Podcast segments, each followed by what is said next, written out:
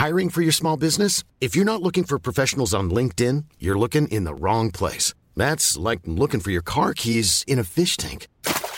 LinkedIn helps you hire professionals you can't find anywhere else, even those who aren't actively searching for a new job but might be open to the perfect role. In a given month, over 70% of LinkedIn users don't even visit other leading job sites. So start looking in the right place. With LinkedIn, you can hire professionals like a professional. Post your free job on linkedin.com slash people today.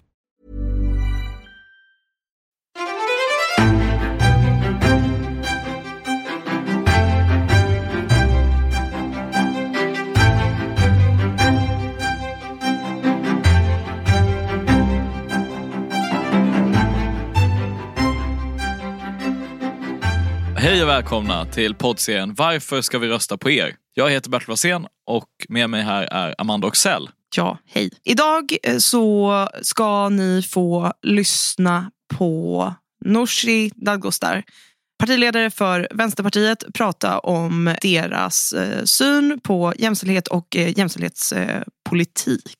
Hur kände du inför det här samtalet Bertil? Eller hur känns det nu inför att folk ska lyssna på det? Nej, men det känns jättespännande, jätteroligt att vi redan är på våran fjärde, vårt fjärde Är avsnitt. det, är det fjärde? Jag Ja. tycker du sa så förra gången också. Är lite oklart. Femte.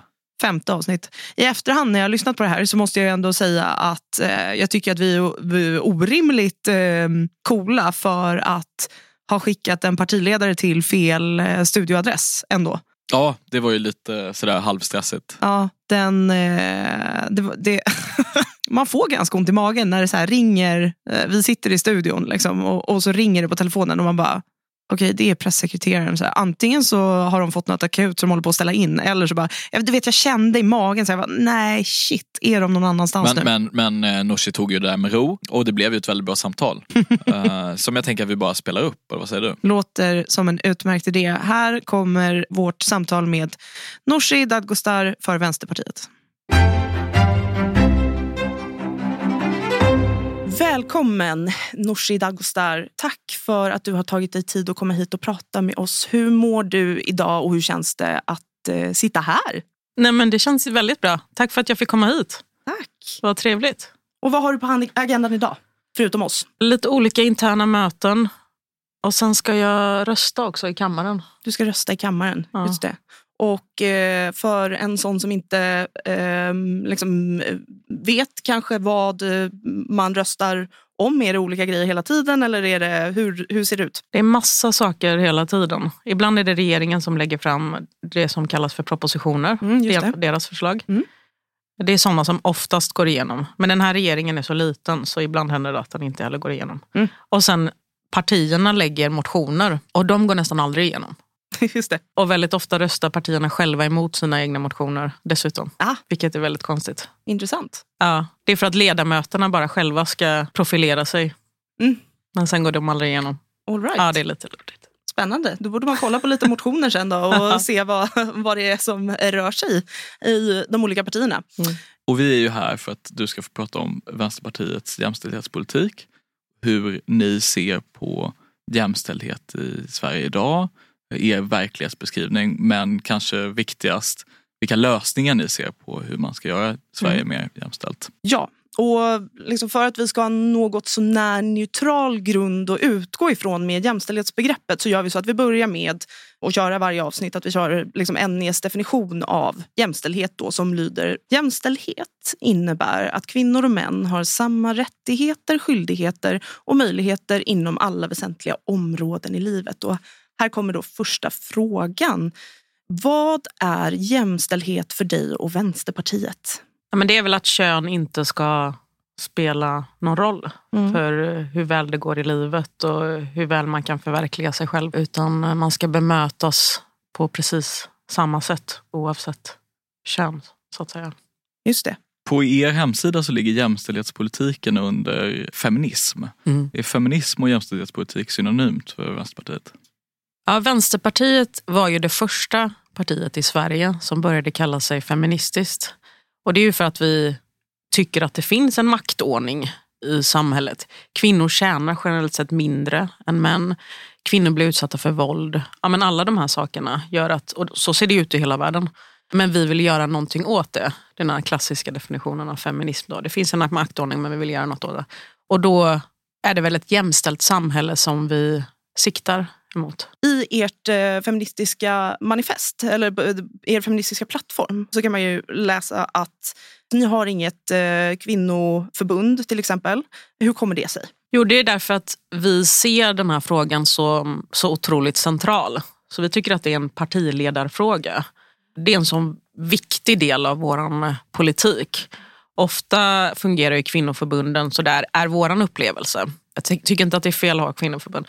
Att de får så att säga sköta det vid sidan av och lite agera påtryckning mer till sitt moderparti. Vi tycker att det är något som kommer inifrån och är något som ska genomsyra egentligen all politik som vi bedriver. För det är en sån stor del av hela vår liksom, politiska analys och det vi arbetar för. Kvinnor och mäns eh, rättigheter och skyldigheter på arbetsmarknaden, ja, men idrottslivet, ja, men i alla samhällssfärer. Du nämner den här politiska analysen. Kan du berätta lite om den? Men vi är ju feminister därför att eh, vi ser att på många områden i Sverige så har inte kvinnor eh, lika mycket utrymme, rätt de får inte lika hög lön till exempel. Många kvinnor jobbar i sektorer där det bara erbjuds deltidsanställningar. Det gör ju att eh, vi tjänar mycket lägre när vi gör det. Mammor är ju ofta de som vabbar till exempel, vilket gör att de inte då tjänar lika mycket på arbetsmarknaden. Det är det som gör att eh, kvinnor under en hel livstid tjänar över 3 miljoner kronor mindre än män. Och när vi kommer till pensionssystemet så utökas dessutom den orättvisan för det systemet i sig är orättvist vilket gör att kvinnors pensioner är mycket lägre, väsentligt lägre än, än mäns. Och det gör att eh, ja, men vi som kvinnor kan inte göra alla de saker som vi vill göra. Vi kan inte leva ett lika fritt liv som män som har mer pengar då. Det skapar ju frihet får man säga. Och sen har vi allt det här som handlar om våld mot kvinnor. Det ser ju vi också som en maktfråga. Det är så utbrett, det är ett av våra största folkhälsoproblem. Så det ser ju vi också som en samhällsfråga. Det är inte bara det att det råkar alltid vara en man som slår en kvinna utan det sker så ofta så att det är en struktur får man ju säga. Och att det sker just inom kärleksrelationer eller inom familjer. Det är eh, någonting annat än eh, våld på krogen där någon slår ner någon annan kille så att säga. Vi ser också nu till exempel i Ukraina kriget hur våldtäkter, massvåldtäkter används som krigsföring.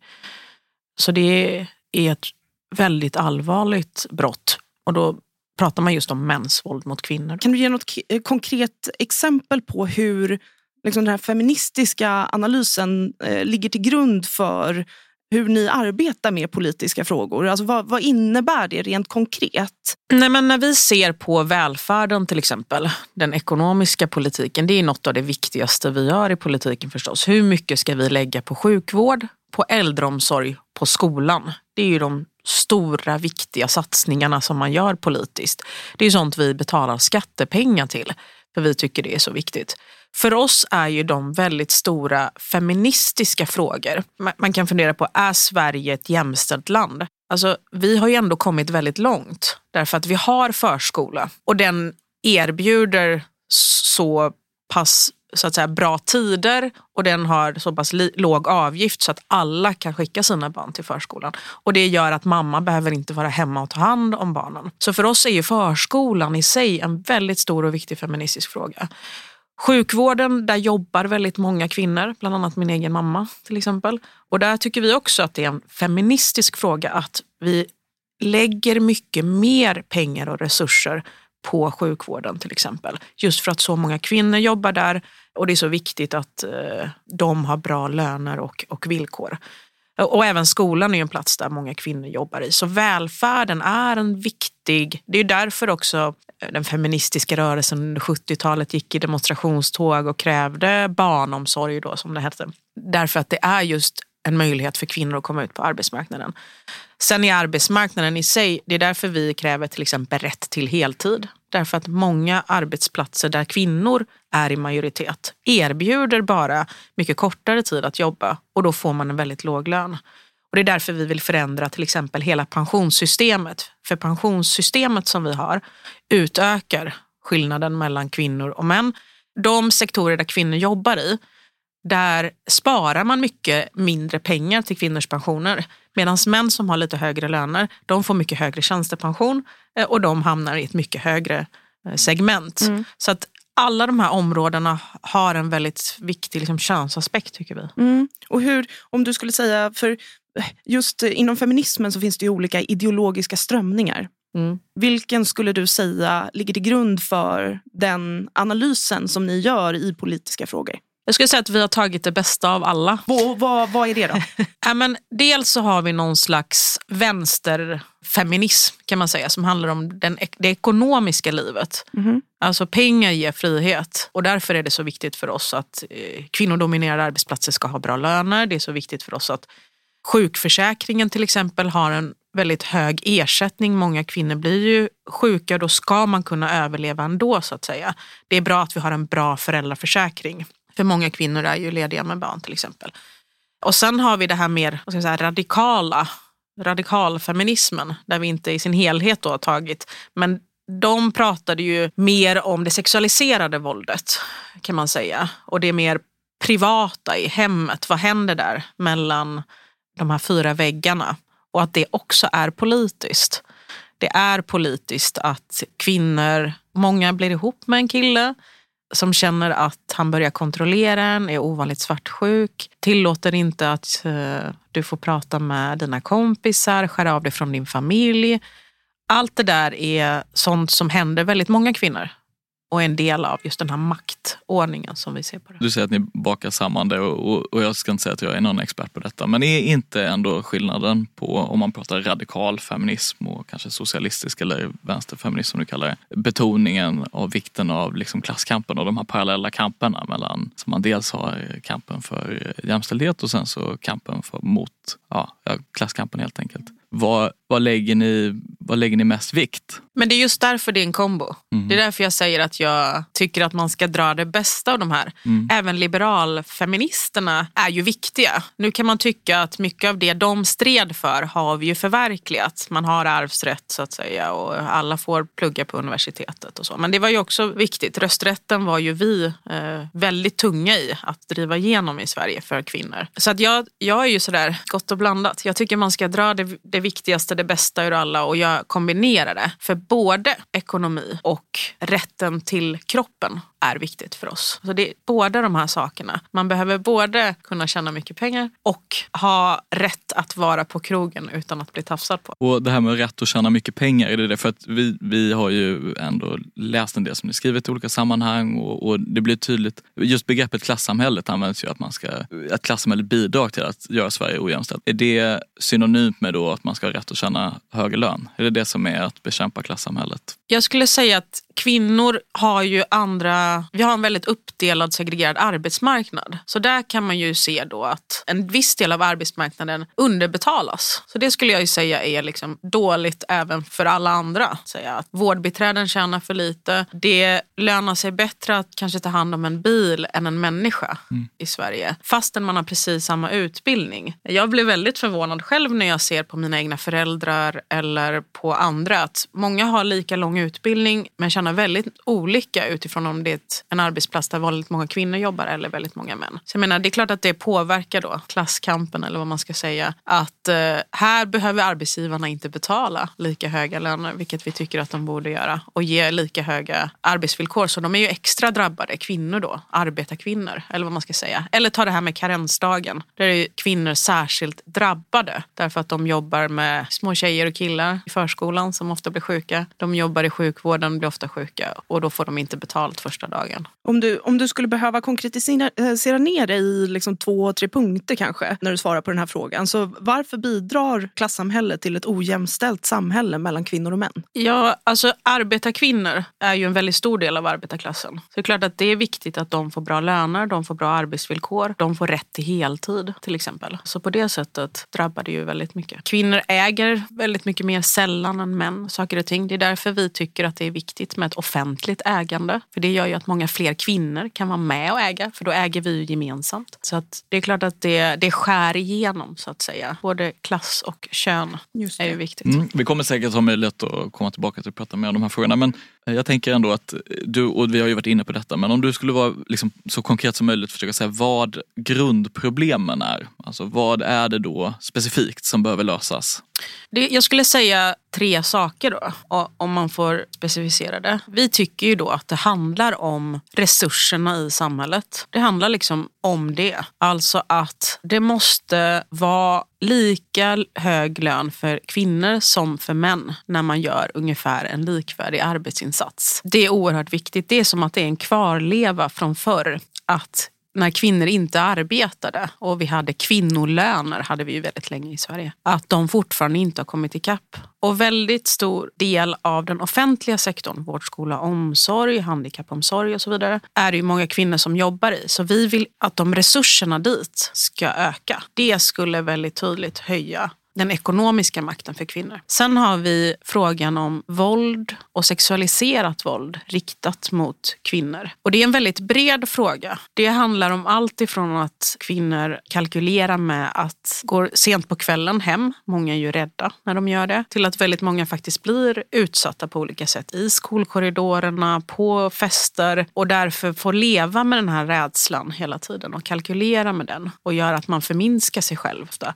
Och kvinnor bemöts och bedöms ofta på sitt utseende eller sin kropp medan män bedöms och bemöts mer efter sin kunskap kanske. Och sen skulle jag säga att just hemarbetet och familjelivet är ju också en ganska viktig del av hur vi lever våra liv. Och där är det också viktigt tycker jag att eh, vi, vi känner oss trygga med att eh, både mamma och pappa kan ta hand om barn. Ja, vi har ju blivit bättre och bättre på det men det är ändå inte så jämställt som vi tror i grund och botten. Att barnen även får ha en relation till sin pappa. Att eh, det finns en bra förskola, en bra föräldraförsäkring. Men också att liksom, där är det ju papper ofta som inte är närvarande. Och där skulle man nog behöva liksom, balansera upp det där också. Det är fortfarande kvinnor som diskar och tvättar och städar och tar hand om barnen. Och där skulle vi också behöva ha en liksom, normförskjutning av vem som gör vad där hemma. Ni eh, för en linje om eh, individuell eh, föräldraförsäkring. Kan du berätta lite om det? Ja, det är väl en vision om att eh, både mamma och pappa ska vara närvarande hemma. Vi vet ju att när kvinnor kommer hem eh, från en lång arbetsdag så går deras puls upp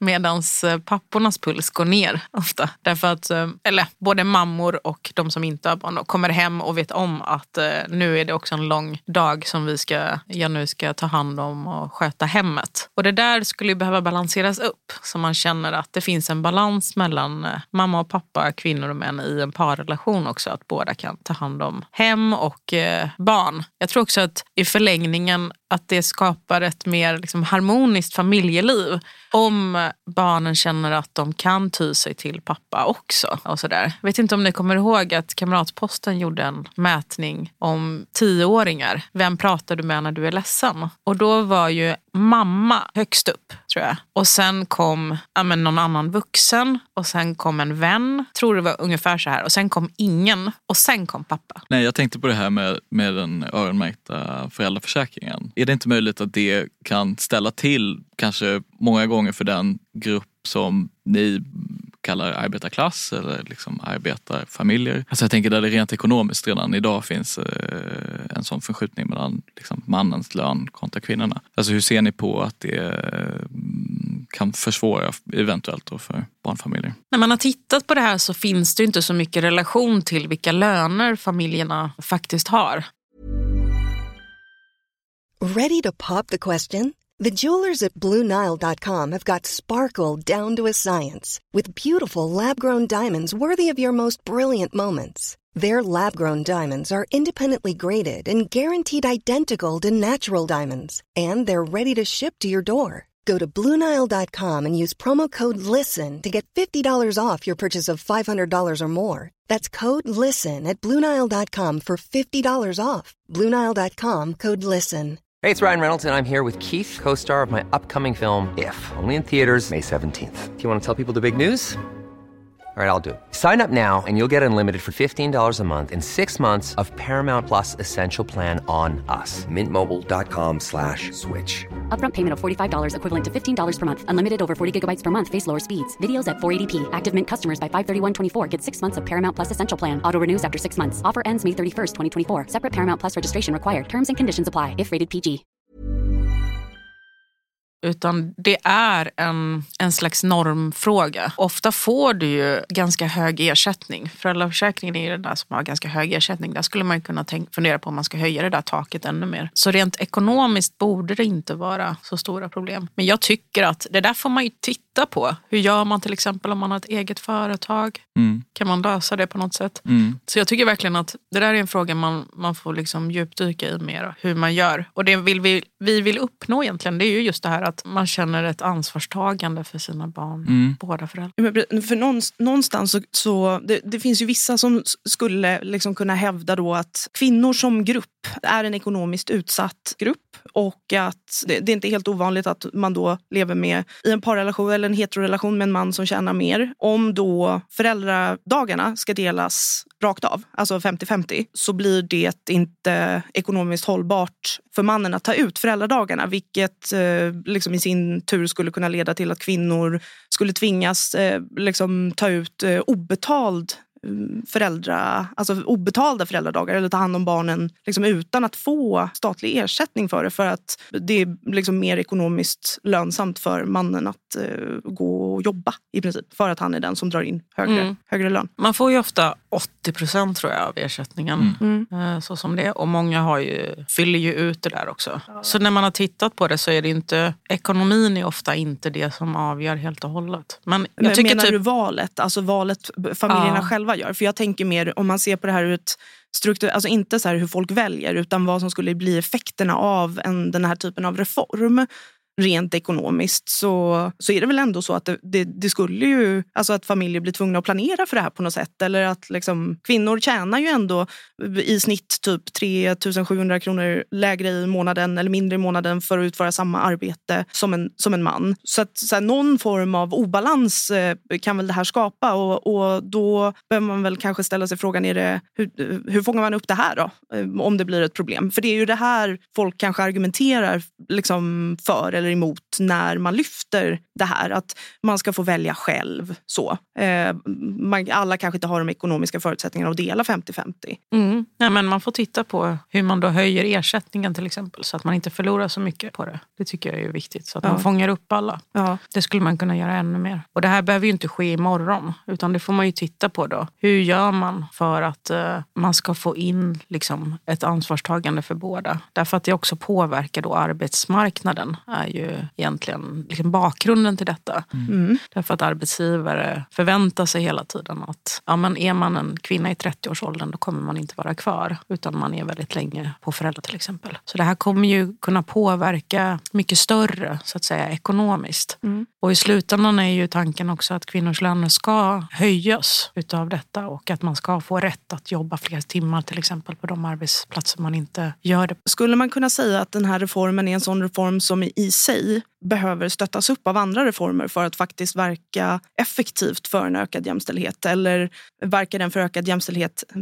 i, står den självt för det? Liksom? Det är ju väldigt få män fortfarande som till exempel tar ut sin ledighet innan barnet är två år gammal. Och då vet man ju att innan barnet är två år gammal så då bygger man ju sin relation ofta att tidigt med sin förälder. Så på ett sätt tycker jag det är synd att inte fler papper, alltså man skulle kunna uppmuntra det även på arbetsplatser och så. Tar ut mer ledighet precis i, i början. För att det nog är, är trevligt och bra. Man skulle kunna tänka sig titta på liksom hur man kan lägga dagarna på olika sätt och varva dem. Och, ja, det, där, det, där, det är ett pussel som man får titta på hur man gör. Vi, vi ska inte upprätthålla oss så jättelänge på just den här frågan men jag tyckte det bara var intressant med, eftersom Vänsterpartiet, ni kallar er ett feministparti och så.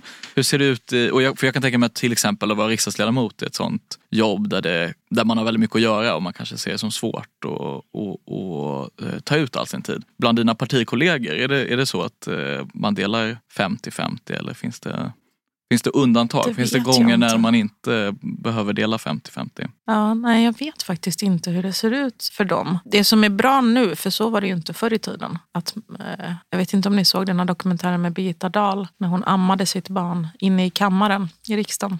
För förut fick man ju inte ta ut ledighet, men nu får man ju det. Så då kommer det ju in en ersättare Mm. för, för dig som riksdagsledamot. Mm. Så det fungerar ju ändå väldigt bra. Och det är en ganska hög ersättning på då när man är ledig. Så rent praktiskt borde ju det fungera. Just det. Nu kommer vi be dig Nooshi att lista de tre viktigaste politiska förslagen som ni vill driva för att Sverige ska bli mer jämställt. Och när du gör det så får du gärna förklara varför det är just de här politiska förslagen som är de viktigaste och hur de kommer att bidra till att Sverige blir mer jämställt. Och, och nu har ju du, du har ju gett flera förslag men liksom bara så här, vilka är de absolut viktigaste? Okej, okay men då är det de här tre områdena som jag tycker är viktiga. Dels handlar det om ekonomi och att känna frihet i sitt liv, att kunna göra vad man vill. Och då tycker vi att rätt till heltid är viktigt. Visstidsanställningar borde inte få finnas om man inte har väldigt tydliga skäl för det. Väldigt många kvinnor har tillfälliga anställningar, får några timmar här och där fastän de behövs i det ordinarie arbetet. Och generellt sett en utjämning av lönerna mellan kvinno och mansdominerade arbetsplatser. Och där vet vi att likvärdiga jobb värderas olika för att det ena är mer kvinnodominerat, det andra är mer mansdominerat. Då. Och det är just det här att eh, amen, det lönar sig bättre att eh, jobba med kanske bilar eller maskiner än att jobba med människor och barn. Och så behöver det faktiskt inte vara, utan det är precis lika slitsamt och kräver lika mycket utbildning. Och då handlar det framförallt om att förstärka skulle jag säga, det offentliga. I, I, form av? Vård, skola och omsorg jobbar ju många kvinnor i. Mm. Och det är väldigt negativt när de också privatiseras, för då sänks lönerna vet vi, särskilt i äldreomsorgen och anställningsvillkoren försämras. Så det där är viktigt. Och sen har vi det sexualiserade våldet som riktas mot kvinnor. Där vill ju vi se till att kvinno och tjejjourerna får en långsiktig finansiering. Det är väldigt viktigt att de inte behöver ansöka om projektbidrag hela tiden. Även där håller ju kvinnojourerna på att privatiseras så att det bara är ja, vandrarhem och eh, enskilda företag och bolag nu som har skyddade boenden. Jag såg till och med en nyhet härom eh, sistens om att det var en förövare som själv ägde ett sånt skyddat boende. Det är väldigt tydligt att det där måste vi komma bort ifrån. Kvinno och tjejjourerna har varit väldigt viktiga för hela Sverige för att skärpa sexuallagstiftningen, för att skärpa straffen för sexbrotten, för kunskapen kring vad det betyder att bli utsatt för våld på olika sätt i en relation eller av män. Så det där, vi behöver verkligen se till att inte de privatiseras bort och att det är långsiktiga stöd till dem så att man kan söka sig dit. Vi vill ha särskilt specialiserad traumabehandling och rehabilitering för alla som har blivit utsatta och att det ska finnas i varje region en eh, akutmottagning för våldtagna kvinnor. Gäller det även eh, kvinnor som har blivit utsatta för människohandel genom till exempel sexköp eller sådär? Mm, det borde också finnas särskilda liksom, mottagningar för det. Där, civilsamhället är väldigt viktigt där, det behöver vi se till. Men också socialtjänst, mm. polis. Där vill ju vi satsa 30 miljoner på att utbilda hela rättskedjan också. Allt ifrån åklagare, domare till polis. Och göra det där arbetet effektivare och bättre. För det är så många som upplever när de går och anmäler den här typen av brott att de inte bemöts med respekt, att de inte blir trodda, att de får frågor som de inte liksom, känner att de kan svara på. Och allt det där behövs en väldigt kraftfull kunskapshöjning kring. Och ni vet ju hur det är, alltså att vi vill ju gärna också att allt ifrån socialtjänst till barnmorskor till föreningar ska, ska ha det här i sig. Att de frågar alltid när det kommer någon tjej, hur mår du? För ibland kan man ju söka för någonting annat. Man mår väldigt dåligt. Blir man utsatt så får man ju ett annat mående. Många kvinnor blir ju sjukskrivna långa delar av sina liv därför att de har blivit utsatta. Så det där är viktigt att liksom, väldigt många samhällsinsatser riktas mot att också hela tiden fråga och söka eh, det där hos kvinnor. Så det handlar om våldet. Och sen skulle jag, prata, skulle jag vilja säga några saker också om förlossningsvården som är någonting som upprör och gör kvinnor rädda för att föda barn. Vi har alla sett de här bilderna på när många, jag, jag träffade en kvinna i Kiruna Eh, för någon månad sedan till exempel, som fick föda sitt barn vid vägkanten. Sen 70-talet har varannan förlossningsklinik lagts ner. Det gör att det för väldigt många är långt förlossningen och man måste kalkylera med när ska man föda barn och det är väldigt svårt. Och även i storstäderna är det ju för många kaotiskt. Det här, jag har valt en förlossningsklinik men blir skickad till en annan och den här stressen är ju farligt för en själv men för barnen och eh, överhuvudtaget möjligheten att skaffa ett barn eller känslan av att det är tryggt att göra det. Och eh, det är en så viktig eh, del av livet, den här förlossningen och att kunna föda barn tryggt och att ha en graviditet som är trygg. Och det kan verkligen sätta spår för väldigt lång tid framöver om man inte känner att det där blev bra. Och hur, hur ska ni eh, ändra på det då? Jag pratade ju med de här barnmorskorna på Södersjukhuset här i Stockholm som faktiskt sa upp sig till slut. Varför har ni sagt upp er? Och eh, vad ska vi göra för att det ska bli bättre? Ja, men då kräver ju de självklart mer resurser. Det är så att sjukvården i Sverige är väldigt underfinansierad. Det är därför det ser ut så här. För att vi under väldigt lång tid inte har finansierat sjukvården på ett bra sätt fastän vi blir fler och fler i Sverige. De borde få kortare arbetstid tycker vi. Även undersköterskorna i de här teamen måste känna att de är med och kan utbilda sig och förkovra sig. Mödravården vill vi göra särskilda satsningar på så att man kan liksom söka sig dit om man inte kan komma till förlossningskliniken. Och särskild satsning förstås på barnmorskorna. Deras arbetsvillkor måste bli bättre, de måste kunna bli fler och fler måste känna att det är roligt att söka sig till förlossningen och inte till, till annat. Så där vill vi verkligen rikta särskild eh, satsning på den yrkesgruppen. Du säger ni, är det ni på regional nivå då? För det är ju trots allt där de här frågorna bestäms. Eller tänker ni att det här ska liksom ske från nationellt plan på något sätt? Eller hur? Men vi ser att regionerna inte... Dels är de borgerliga, vilket vi tycker är dåligt förstås. Men om man ska vara ärlig så är de också underfinansierade. Alltså det ser ut så här i hela Sverige. Det såg vi under pandemin också. Sjukvården är underfinansierad. Vi vill att staten finansieras mycket större delar av sjukvården än vad den gör idag. Också för att den ska bli jämlik över hela Sverige. Idag kan det ju se väldigt olika ut. Därför måste den statliga finansieringen öka mycket, mycket mer. Så att det inte kan bero på liksom hur demografin ser ut på olika ställen. Sen är det ju den här faktorn att vi i Sverige har privatiserat mer och mer sjukvård. Och det gör att pengar försvinner ifrån vår gemensamma kassa. För vi vill ju att sjukvården ska gå till det dit behoven är som störst. Och när man privatiserar så försvinner istället pengarna dit de, där man tjänar mer pengar. Så då kan en privat klinik ta mycket skattemedel, ha mycket patienter som är ganska enkla att behandla. Vilket gör att på förlossningsklinikerna försvinner det mer och mer pengar. Hänger ni med? Så att privatiseringarna gör också att vi kan inte lä lägga så mycket pengar dit de verkligen behövs. Och det tror vi är farligt. Och det gör att det blir, om man är riktigt sjuk eller om man ska föda barn, all den här sjukvården som är så central och viktig, den sinar liksom, på pengar. Medan privata då, läkare och, och, kliniker kan tjäna pengar på andra håll. Liksom. Så det där är viktigt att vi alla samlas kring att satsa på de som behöver vården bäst.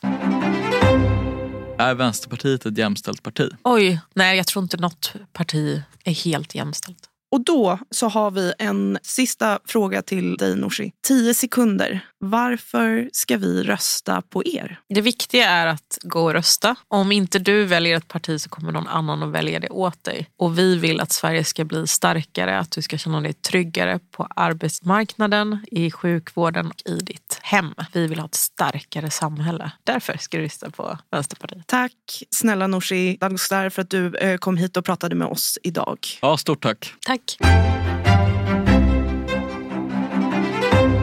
Bertil, nu har vi hört Nooshi Dadgostar från Vänsterpartiet prata om deras eh, jämställdhetspolitik och syn på jämställdhet. Eh, hur, hur kändes det här då? Nej men det var ju ett väldigt intressant samtal. Jag var förvånad över att eh, Nooshi ändå lät så, jag ska säga, hon var inte så kategorisk. Hon, mm. hon lyfte tre problem mm. som hon upplevde som viktigast, vilka faktiskt var, eh, lät väldigt likt det Ebba Busch beskrev här i förra avsnittet. Hon pratade om lönerna och löneskillnader mellan män och kvinnor. Mm. Och så pratade hon om våld mot kvinnor och så pratade hon om hemma och familjelivet. Och det är ju lika. Sen så landade ju de i olika analyser av vad som behöver göras. Mm. Där till exempel Ebba Busch då pratade om att, att man ska ta bort de öronmärkta föräldradagarna dagarna ja. överhuvudtaget så, så säger ju Nooshi tvärtom att Vänsterpartiet vill att man ska ha en helt individualiserad föräldraförsäkring. Mm. Alltså att man ska dela 50-50. Mm. Så det är ju helt motsatt.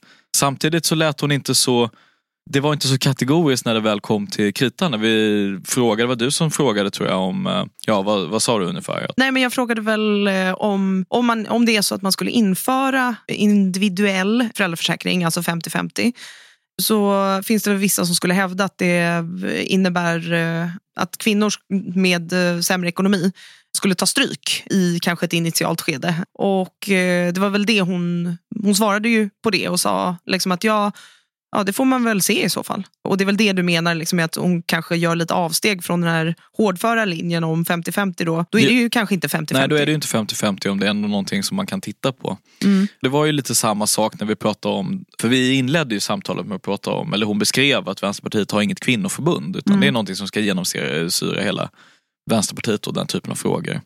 Så att om, och om man pratar om både det och att de faktiskt vill ha individuell föräldraförsäkring, då kändes det inte så långsökt att fråga om hur det ser ut bland deras egna Mm. riksdagsledamöter. Nej, nej precis. Nej. precis. Och, och, och, och då frågade vi ju specifikt det om, om, om de manliga riksdagsledamöterna, om det är så att de till, alla har tagit hand om sina barn 50% och där hade, det visste hon inte sa hon. Och, och, men hon verkade inte heller tycka att det var så himla viktigt att veta det. Nej. Skulle man kunna tänka sig att göra avsteg från den här ganska hårdföra politiken? Det handlar om att antingen göra sig mer spelbar i valet, att man hamnar närmare de andra partierna i den politiken man vill föra, alltså inom respektive block, eller handlar det om att liksom bli attraktiv för en ny typ av väljargrupp? Liksom. För det är ju ändå, om man säger, alltså de, de har en hårdför linje, så, men gör avsteg från den genom att partiledaren säger att Ja, nej men jag vet inte riktigt. Eller ja, det är inte så noga. Eller liksom, eh, ja, det får vi väl titta på. Ja, det Så. kanske lät lite mer så. Det har ju ändå pratats om att Vänsterpartiet eh, vill locka LO-väljare, om det är det Mm. du tänker på. Att Ja. det skulle vara det. Ja. Ja, jag vet inte, men det är ju ändå intressant att höra. Och det är intressant att höra henne resonera kring socialistisk feminism och Mm. och respektive radikalfeminism som hon ju ändå säger att de gifter samman. Men de går ju liksom väldigt mycket emot varandra. I det ena så radikalfeminism handlar ju om att liksom kvinnornas förtryck är liksom det, det, det stora förtrycket. Det är på något sätt det Mm. som eh, det är det mest grundläggande förtrycket. Medan Mm. socialistisk feminism utgår ju från liksom klasskampen och sådär. Så det finns Mm. ju det finns ju vissa skillnader i det där och det hade nog egentligen varit eh, intressant att höra henne resonera mer kring tror jag. Och, och sen hur det tar sig uttryck i deras faktiska politik. Mm, ja men verkligen. På, på vissa frågor så svarade hon ju lite som att det var inform liksom information som hon inte behövde ta ställning till. Eller att ja, det får man väl se i så fall. Eller sådär. Det är ju också ett sätt att undvika att svara på frågor som man inte vill svara på. Och till exempel med det här med föräldraförsäkringen, om man delar den 50-50. Det är ju någonting att säga att man får se hur man dealar med den grupp av kvinnor som skulle ham- kunna hamna i kläm. Det är ju bara ett sätt att slippa egentligen adressera hur man skulle göra det. Eller erkänna att det ens skulle kunna hända i den typen av förslag. Så jag tyckte hon duckade den lite. Det så. Ja, men vad har du för avslutande reflektioner av det här samtalet? Men jag hade väl hoppats att hon skulle komma in i samtalet och, och brinna lite mer än vad hon gjorde. Alltså, ju, det man har sett av henne i offentligheten. Sådär. Jag vet inte om det... Hon, hon kändes inte så investerad på något sätt. Ja, det var hur som helst ett väldigt intressant samtal. Ja. Vi får tacka så mycket till er som lyssnat. Tack så mycket Amanda Oxell. Tack Bertil Wassén.